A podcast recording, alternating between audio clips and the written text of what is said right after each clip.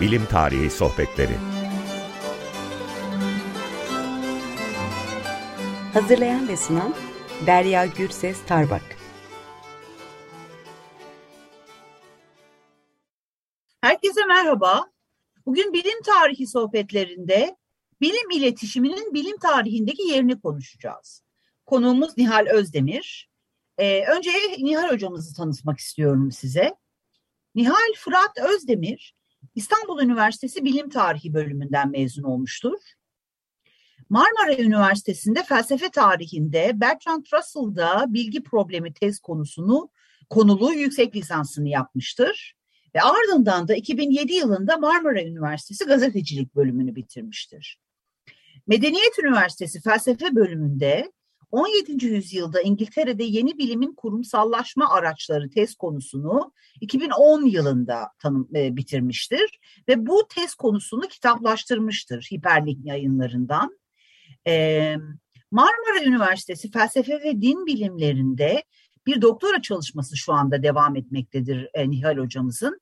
19. yüzyılda Osmanlı'da yeni bilimin kamusallaşma e, araçları konulu test konusu e, devam ediyor. Kahvehanelerle ilgileniyor kamusallaşma mekanları olarak. E, İslam bilimi, e, bilim tarihiyle ilgileniyor kendisi. Türk Bilim Tarihi Kurumu gibi çeşitli dernek ve bilim kurullarında üyedir ve şu anda Fatih Sultan Mehmet Vakıf Üniversitesi'nde Bilim Tarihi bölümünde öğretim üyesi olarak çalışmaktadır. Hoş geldiniz Nihal Hocam. Hoş bulduk Derya Hocam. Hem de tüm Açık Radyo izleyicilerine hoş bulduk diyorum. Ee, hoş geldiniz. Ee, şimdi isterseniz konumuzla ilgili ilk sorumuzdan başlayayım ben. Tabii ki buyurun. Bu güzel tanıtımınız için de teşekkür ediyorum. Ee, rica ederim. Ee, şimdi bilim iletişimi dediğimiz meselenin geçmişinin ne kadar eski olduğunu siz de ben de biliyoruz. Çünkü ikimiz de aslında e, yakınlarda bu konularda çalışmışız. Öyle görünüyor. Evet. Biraz anlatabilir misiniz lütfen? E, bilginin kamusallaştırılmasının tarihinde neler olup bitmiş? Evet. Şimdi aslında bilginin e, kamusallaşmasının en belirgin örneklerine sizin de e, gayet iyi bildiğiniz gibi 17. yüzyıl Avrupa'sında rastlıyoruz. Ama bunu şöyle düşünebiliriz aslında. İnsanın ve bilginin olduğu her zaman diliminde kamusallaşmadan bahsedebiliriz. Yani 17. E, yüzyıla sınırlamayıp en başlara da gidebiliriz. Hatta ben e, şu an Açık Radyo izleyicilerine bunu düşünmeye davet ediyorum. Kamusallaşmayla ilgili ilk örnekler neler neler olabilir? Mesela benim aklıma Platon'un akademisi, Aristoteles'in lisesi, İslam ve Osmanlı medeniyetindeki külliye, kütüphane ve konaklar, e, Avrupa'daki üniversiteler, müzeler, kahvehaneler ve akademiler. Bunlar mesela benim ilk aklıma gelenler. Dinleyicilerimize belki hani Twitter'dan bu örnekleri arttırabilirler. Dolayısıyla 17. yüzyılı Avrupa'sında ilk örneklerine rastlasak da aslında insan ve bilginin olduğu her yerde bu örneklere örneklerle karşılaşabiliriz. Ama bilim iletişiminin bir disiplin olarak ortaya çıkmasının tarihi çok yakın. Bu saydığımız örneklerin artık bilinçli bir faaliyet alanı olarak ele alınması ve bir metot oluşturmasının tarihi 19. yüzyıla dayanıyor.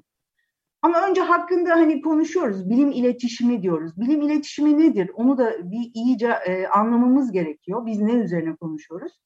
Bilimsel üretimle direkt ilgisi olmayan ya da bilimsel araştırma hayatında temel bir rol üstlenmeyen insanlar arasında bilimsel bilgiyi yayan etkinliklerin tümüne biz aslında bilim iletişimi diyoruz. Ve bilim iletişiminin tarihi nedir?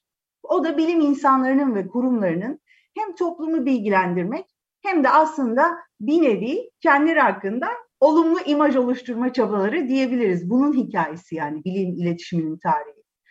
Ama hem bilimin üretimine hem de yayılımına siz de çok iyi bilirsiniz ki bir bilim insanının vakit ayırması çok kolay değil. Hem bilim üretimi yapacaksın hem de bunu kamuya anlatacaksın. Bunun e, çok zaman alıcı bir etkinlik olduğunu unutmamak da gerekiyor. O yüzden burada en önemli görev bilim iletişimcilerine düşüyor. Yani bilimi özellikle kitle iletişim araçları üzerinden kamuoyuna tanıtanlara. E bunlar en çok kim oluyor? Bilim gazetecileri. En bilinen e, ismiyle bilim gazetecileri. Ama bilim iletişimi demek bilim gazetecisi demek değil tabii ki. Onu da kapsar. Aynı zamanda kitle iletişim araçları üzerinden yapılan tüm yayın ve bildirileri de kapsar. Şimdi ilk bilim yazarlarından e, William Lawrence diyor ki bilim insanları aslında diyor Prometheus'un torunlarıdır. Yani biz antik Yunan'ın bilim ve kültürüne dair ilk örneklerini e, Hesiod destanında buluruz. Hesiod destanına göre de tanrıların oğlu Prometheus yine tanrıların tekelinde olan o ateşi ki biz burada onu temsili olarak bilgi olarak düşünelim. Tanrıların oturduğu dağ olan Olimpos'tan çalıyor ve insanlara sunuyor. Yani William Lawrence'ın dediği Prometheus'un torunları bilim insanları ya da bilim iletişimcileri olarak düşünebiliriz. Aynı bu destandaki gibi aslında bilim insanları da ne yapıyor? Laboratuvardaki bilgiyi ki onu da Olimpos'un ateşi olarak düşünelim, halka sunuyorlar. Yani bilim iletişimcisi aslında bilimle halkı buluşturan bir köprü görevi görüyor ve bilimsel gelişmeler hakkında kamuya bilgi veriyor hem de bunları tartışmaya açıyor. Ve böylece bilimsel anlamda sağlıklı ve kamuoyu oluşturma işlevini üstlenmiş oluyor. Ve yine bilim yazarlarından Price diyor ki, profesyonel bir dergide yayınlanana kadar bilim, bilim değildir. Yani kimse duymadığı sürece aslında sizin yaptığınız e, bilimsel üretimden kimsenin haberi olmadığı sürece bilim değildir re getirmiş oluyor ki e, bu aslında içinde bayağı büyük bir gerçeklikte içeriyor. Ama bu şu demek de değil. Yani bilim sadece basından gördüğümüz müdür? Bu da bir e, soru ve acaba böyle mi? Günümüzde de böyle mi? Ama Price'ın dediğini de e, eklemeden geçemeyeceğim açıkçası. Tarihçesini sordunuz aslında Birinci Dünya Savaşı yani 1914'ler civarında ve sonrasında tüketim mallarının çoğalması bilimin sosyal ve ekonomik gücünü fark ettirdi. Bilime karşı büyüyen bir ilgi oldu ve bu da popüler bilim basınını geliştirdi. Ve birinci ve ikinci dünya arası savaşı yani bu iki savaş arasındaki dönemde mesela Amerika ve İngiltere de bilim gazeteciliği kamusallaştı, kurumsallaştı. Bizde hala bakın bilim gazeteciliği kurumsal bir kimlikte değil maalesef.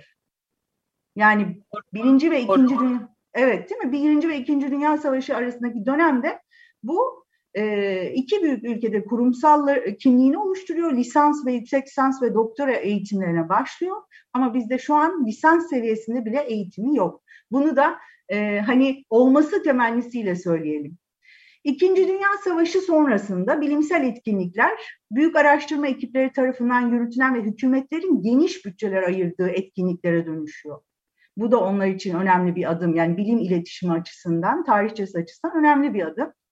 Ve savaşlar aslında sadece askerlerin gücünü göstermiyor. Bilim insanların gücünü de göstermiş oluyor. Ve hükümetlerin dolayısıyla bilim insanlarına yönelişine yeni bir boyut katıyor. Yani aslında bir nevi önemini arttırmış oluyor. Ve bilimsel araştırmalar geniş devlet fonlarıyla desteklenmeye başlıyor. Bu dönemdeki araştırmalar büyük oranda gelişmiş ülkelerin kamu üniversitelerinin tek, tekelinde yürütülüyor mesela. E, diğer yandan e, işte kesişme alanı olan e, sizinle birlikte çalıştığımız konudan siz de çok iyi biliyorsunuz ki bir miras var aydınlanmadan gelen bir miras. O da nedir? Bilim faaliyetleri ve onların sonuçları kamu yararı kavramını ön planda tutularak yapılır. Bu bu mirasla devam ediyor bu gelişmeler üzerine. Yani kapitalist sistemde meydana gelen dönüşüm bilimsel bilginin oldukça önemli ve stratejik bir rol oynar hale gelmesine de neden oldu.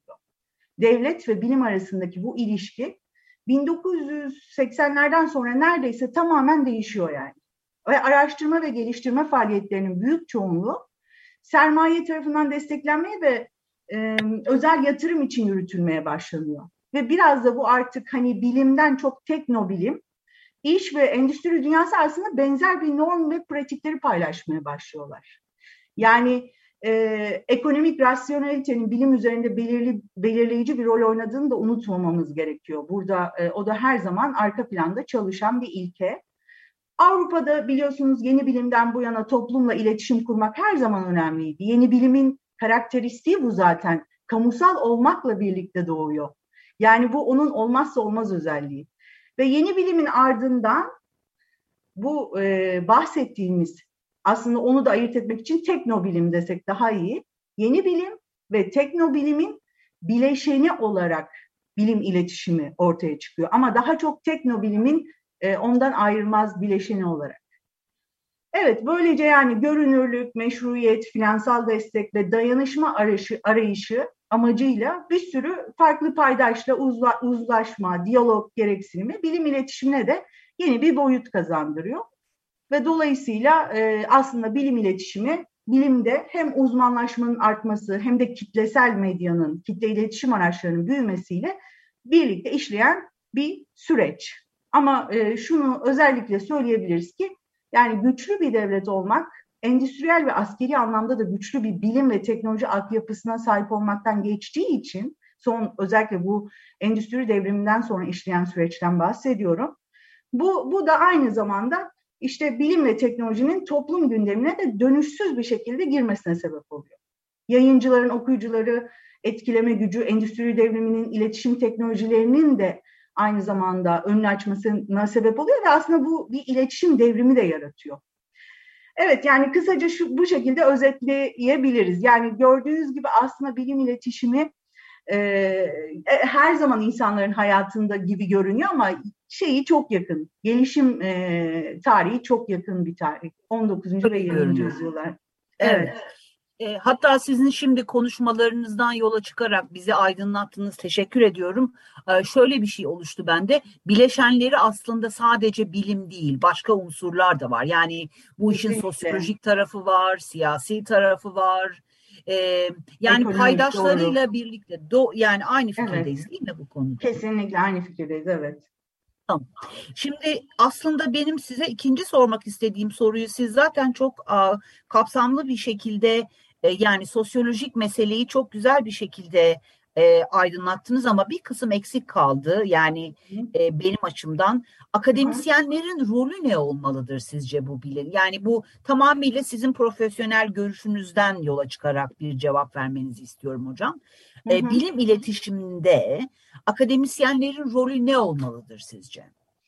Evet, şimdi aslında çok güzel bir soru gerçekten. Ee, yani hem bizi ilgilendiriyor aslında hem de hem akademisyenler olarak düşünebiliriz. Hem de tüm dinleyicilerinizle birlikte de düşünebiliriz. Aslında e, çünkü söyleyeceklerimden sonra göreceğiz ki yani biz burada hani kurumsallaşmadık dedik ya. Dolayısıyla aslında hepimize bir şeyler düştüğünü görüyoruz. E, şimdi bilim iletişiminin aslında asıl hedefi e, bilimi popüler kılmak. Ama bilimi popüler kılmak dediğimizdeki bu popülerlik Latince hani populus kelimesinden, insanlar kelimesinden gelen popülerlik herkesin beğenisini kazanmak değil. Herkesçe bilinir olmak. Yani bilimin popüler olması, revaçta olması değil de herkese değmesi, herkesin e, ilgisini çekmesi ve bilgi oluşturabilmesi. Dolayısıyla herkesçe bilinir olması e, bilim, bilim iletişiminin en büyük şeyi, misyonu. İnsanlar e, şimdi biliyorsunuz bilimsel gelişmeleri biz de bizi de katarak yani kendimizin de meslek grubu içerisinde de gelişmeleri takipte zorlanıyoruz. Bir yandan aynı zamanda her bilim dalı da biliyorsunuz şu an içinde bölündükçe bölünüyor, büyüyor, çeşitlilik giderek artıyor. Ve dolayısıyla biz aslında bu bütün insanların bilimi takip, bilimsel gelişmelerini takip etmesini zorlaştırıyor. Yani hem bizim meslek açımızdan da bu e, zorluk devam ediyor, insanlar açısından da. İşte bu yüzden bilim ve toplum arasında gerçekten bir köprü kurmak gerekiyor ve bilim iletişimine dair tüm etkinliklerde bu köprüye hizmet ediyor. Yani bilim iletişiminin en büyük etkisi de bilimi ve sokaktaki insanı buluşturabilmek. Ee, bizim için ne düşünebiliriz? Mesela bilim insanının bizim e, yani tüm e, akademisyenlerin ya da bu işte gönülden e, amatörce de ilgilenenler kim varsa dahil edelim. Uzmanlık alanında yazdıklarını yine sadece kendisi gibi alan uzmanlarının anlayacağı şekilde yazmayıp herkesin anlayacağı şekilde açık ya anlaşılır yazması aslında bu buna hizmet edecek bir eylem. Ama tabii bunu bütün bizim çalışmalarımız için yapamayız. Ama en azından bir kısmını yapmalıyız. Yani bu bizim e, toplumsal, kamusal ya da sorumluluğumuz. Buna Fransızca'da aslında vulgarizasyon da deniyor. Yani bilimsel verilerin basitleştirilmesi ve halk dilinde sunulması. İşte İngilizce deyimiyle de popülerizasyon. Bu genelde akademik çevrede de biraz böyle küçümsenerek söylenir. Popüler bilim yapmayalım falan şeklinde. Aslında bu e, yani e, ha, e, bilinçli bir tutum mu? Onu da tartışmak gerekir. Bu aslında bizim sorumluluğumuz. E, o yüzden e, buna dikkat etmek gerekiyor ve bilim iletişimi genelde bilim gazetecileri tarafından yapılır. E, çünkü hani diyoruz akademisyenlerin e zaten çok fazla iş yükü var. İşte bunlara vakit çok da bu alanı da işte popüler bilim diye küçümseyebiliyorlar. E, çok girmek istemiyorlar ama aslında e, çok önemli bir e, sorumluluk ve bilim gazeteciliği bunu hani yapamayan, vakit ayıramayan e, sahada devreye giriyor. Bunu üstlenen e, kişiler bilim gazetecileri ama burada da bir takım sıkıntılar çıkabiliyor. O da nedir? Yani bilim e, insanları açısından bizim mesela sıkıntımız bu alana yeterince önem vermemek ve dilimizi basitleştirmemek. E, hatta buna şey denir, bilim insanları halk dilini bilmiyor, gazeteciler de şeyi bilmiyor, bilim dilini bilmiyor. İşte bu aradaki uçurum arttıkça bu bilim iletişimi de e, sekteye uğrayacak. Bir kere buna çok önem vermemiz gerekiyor. Yani bizim akademisyenler olarak da, toplum olarak da. Akademik araştırmaların sadece bir kesime yönelik kalmamasının biz hala bence önemini tam anlayamadık. Yani bu e, herkese açık olabilecek e, şekilde olmasının ne kadar önemli olduğunu e, tam anlamıyla fark ettiğimizi düşünmüyorum ben. Ve ilk önce üniversite aslında çalışmalarını duyurmalı. Sonra da popüler bilim yazarları bunları daha anlaşılır hale getirip, getirip halka sunmalı. Ama düşünsenize popüler bilim yazan yazarlarının bile bilimden bir haber olursa nasıl yayacak bunu? Dolayısıyla aslında burada en önemli şey bu alanın ne kadar önemli olduğunun bilincinde olmak ve bunun kurumsallaşmasına da aracı olmak. Ama yapamıyorsak da genelde Türkiye'de açıkçası bu daha çok kişilerin inisiyatiflerine göre giden bir süreç oluyor. Burada çok kurumsal neden bahsedebiliriz? TÜBİTAK'ın biliyorsunuz e, çalışmalarından bahsedebiliriz. O da çünkü toplumda bir bilim kültürü oluşturma misyonu var TÜBİTAK'ın. Bu önemli aslında. E, bunun için mesela gök bilim çerçevesinde gök bilim etkinlikleri düzenliyor. Hatta e, şu yakınlarda e, Antalya'da düzenlenecekti. Gökyüzü gözlem etkinlikleri. E, burada dinleyicilerimize öneririm muhakkak e, TÜBİTAK'ın bu gökyüzü gözlem etkinlikleri sayfasına girip bu etkinliklere katılan insanların yorumlarını lütfen okusunlar. Orada bilim iletişiminin ne olduğu çıkıyor. Yani katılmadan önce, katıldıktan sonra ne yorumlar yapmışlar, ne değişmiş hayatlarında. Çünkü bu tarz etkinlikler üç grubu birleştiriyor. Yani bir profesyonel bilim insanlarını, amatör olarak bilimle uğraşanları ve buna sadece hani dışarıdan gözleyen halkı üçünü bir arada buluşturuyor ve o kadar verimli sonuçlar çıkıyor ki yani sanmayın sadece akademisyenler bir şeyler öğretiyor. Çok da öğreniyor. Yepyeni e, bakış açılarıyla tanışıyorlar. Mesela amatör bilim insanlarının bulduğu icatları e, görüyorlar ve kendi teorileriyle onun eksik kalan yanlarını tamamlıyorlar. Buna şahit olan insanlar bilimin ne kadar önemli olduğunu ve hayatlarına ne kadar değdiğini görüyor ve çocuklarına bunu aktarabiliyor. Ki çocukluktan aslında verilmesi gereken biliyorsunuz bir eğitim. E, TÜBİTAK da belki o misyonla hani çocuk bilim dergileri de e, yapıyor. Ya da Teknofest gibi e, tüm halka açık teknoloji ve halkı bir arada buluşturan ya işte bu insanlar ne anlayacak?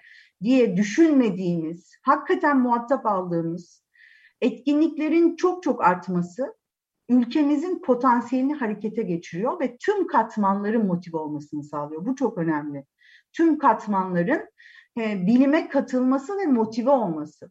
Yani bu aslında akademisyenin de çok ayırmak gerekmiyor. Hep bir, birlikte bu karşılıklı bir etkileşim içerisinde gerçekleşmeli.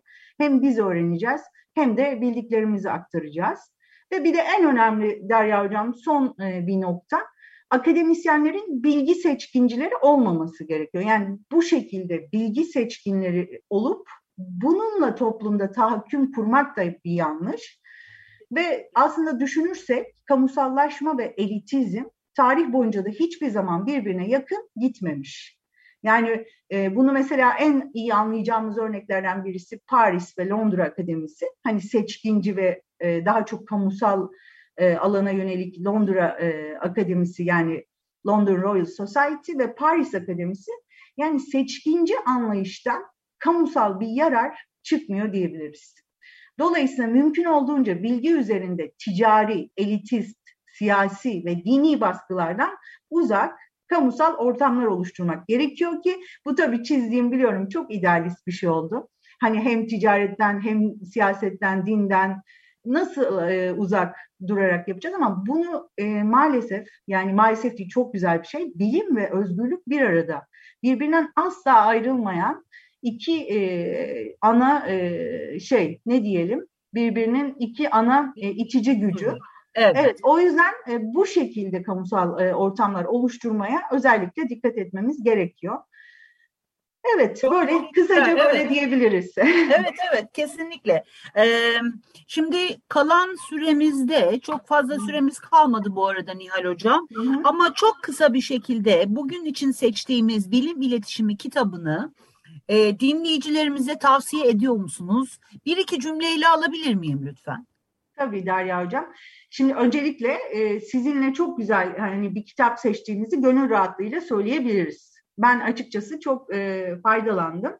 Çiler ve Onur Dursun editörlüğünde 12 yazarlı bir çalışma, kolektif bir çalışma bu. Hepsi de e, yani e, yazarlara baktığımızda medya iletişim eğitimi almış insanlar. Dolayısıyla üç bölümde de toplamışlar bu e, bilim iletişimi kitabını. İlk bölümde bilim ve toplum ilişkilerinden bahsetmişler. İkinci bölümde bilimin iletiş, e, temel e, bilim iletişiminin temel dinamiklerini anlatmışlar. Üçüncü bölümde de bilimin yayılması üzerine bilgi vermişler ve derli toplu bir kitap oluşturmuşlar. Hatta ben sizin ilk sorunuzda siz bana bilim iletişimi tarihi aslında kapsamında bir soru sordunuz.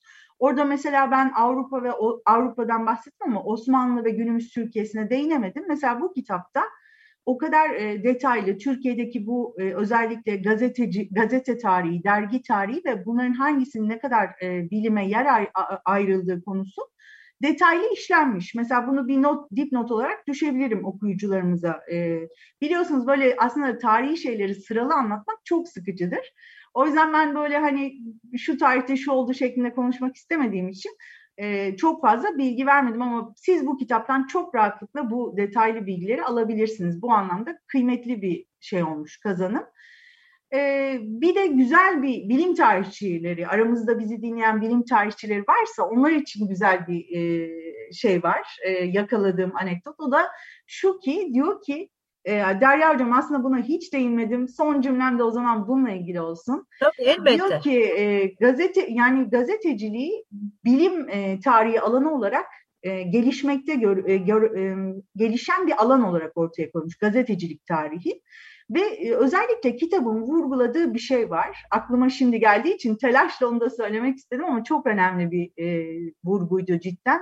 Diyor ki yani şu ana kadar doğa felsefesiydi gelişen ama doğa kısmı çok iyi gelişti ama felsefe kısmının içi boşaldı diyor.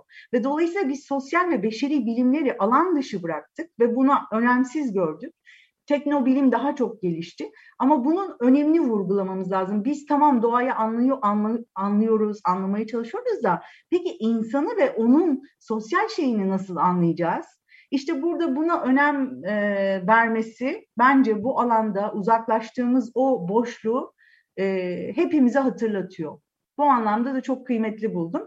E, ufak bir eleştiri yapmam gerekirse de bu tür e, hani kolektif yazarlı kitaplarda aslında tek yazarlı kitaplarda da hepimiz de bu hatayı yapabiliyoruz. Çok fazla tekrarlara düşebiliyoruz. E bunlar da her kitapta oluyor yani Derya Hocam. Bunun dışında kesinlikle tavsiye ettiğim bir kitap bu. Çok teşekkür ederim Nihal Hocam. Ee, çok e, anlamlı, ederim. çok anlamlı, çok e, ne denir ona açıklayıcı ve çok etkileyici bir sohbet oldu. Üstelik de benim gibi aç, halka e, açık e, bilim konferansı düzenleyen e, biri e, olduğum için benim için de çok teşvik edici oldu. Öyle değil, için... evet. Aslında çok sizin yaptığınızın ederim. ne kadar önemli olduğunu da bu arada değil mi e, görmüş olduk. Yani siz şu an e, halka açık bilim e, sohbetleri yapıyorsunuz, yapacaksınız, e, devam edeceksiniz yani. Ve burada e, aslında ne kadar önemli bir misyona hizmet ettiğiniz e, de görülmüş oluyor. Ben de bu anlamda size teşekkür ediyorum. Hepimize yol açmış oluyorsunuz. Çok teşekkür ederim. Katıldığınız için teşekkürler. E, herkese iyi bir gün diliyoruz. Hoşçakalın. Teşekkürler, iyi günler.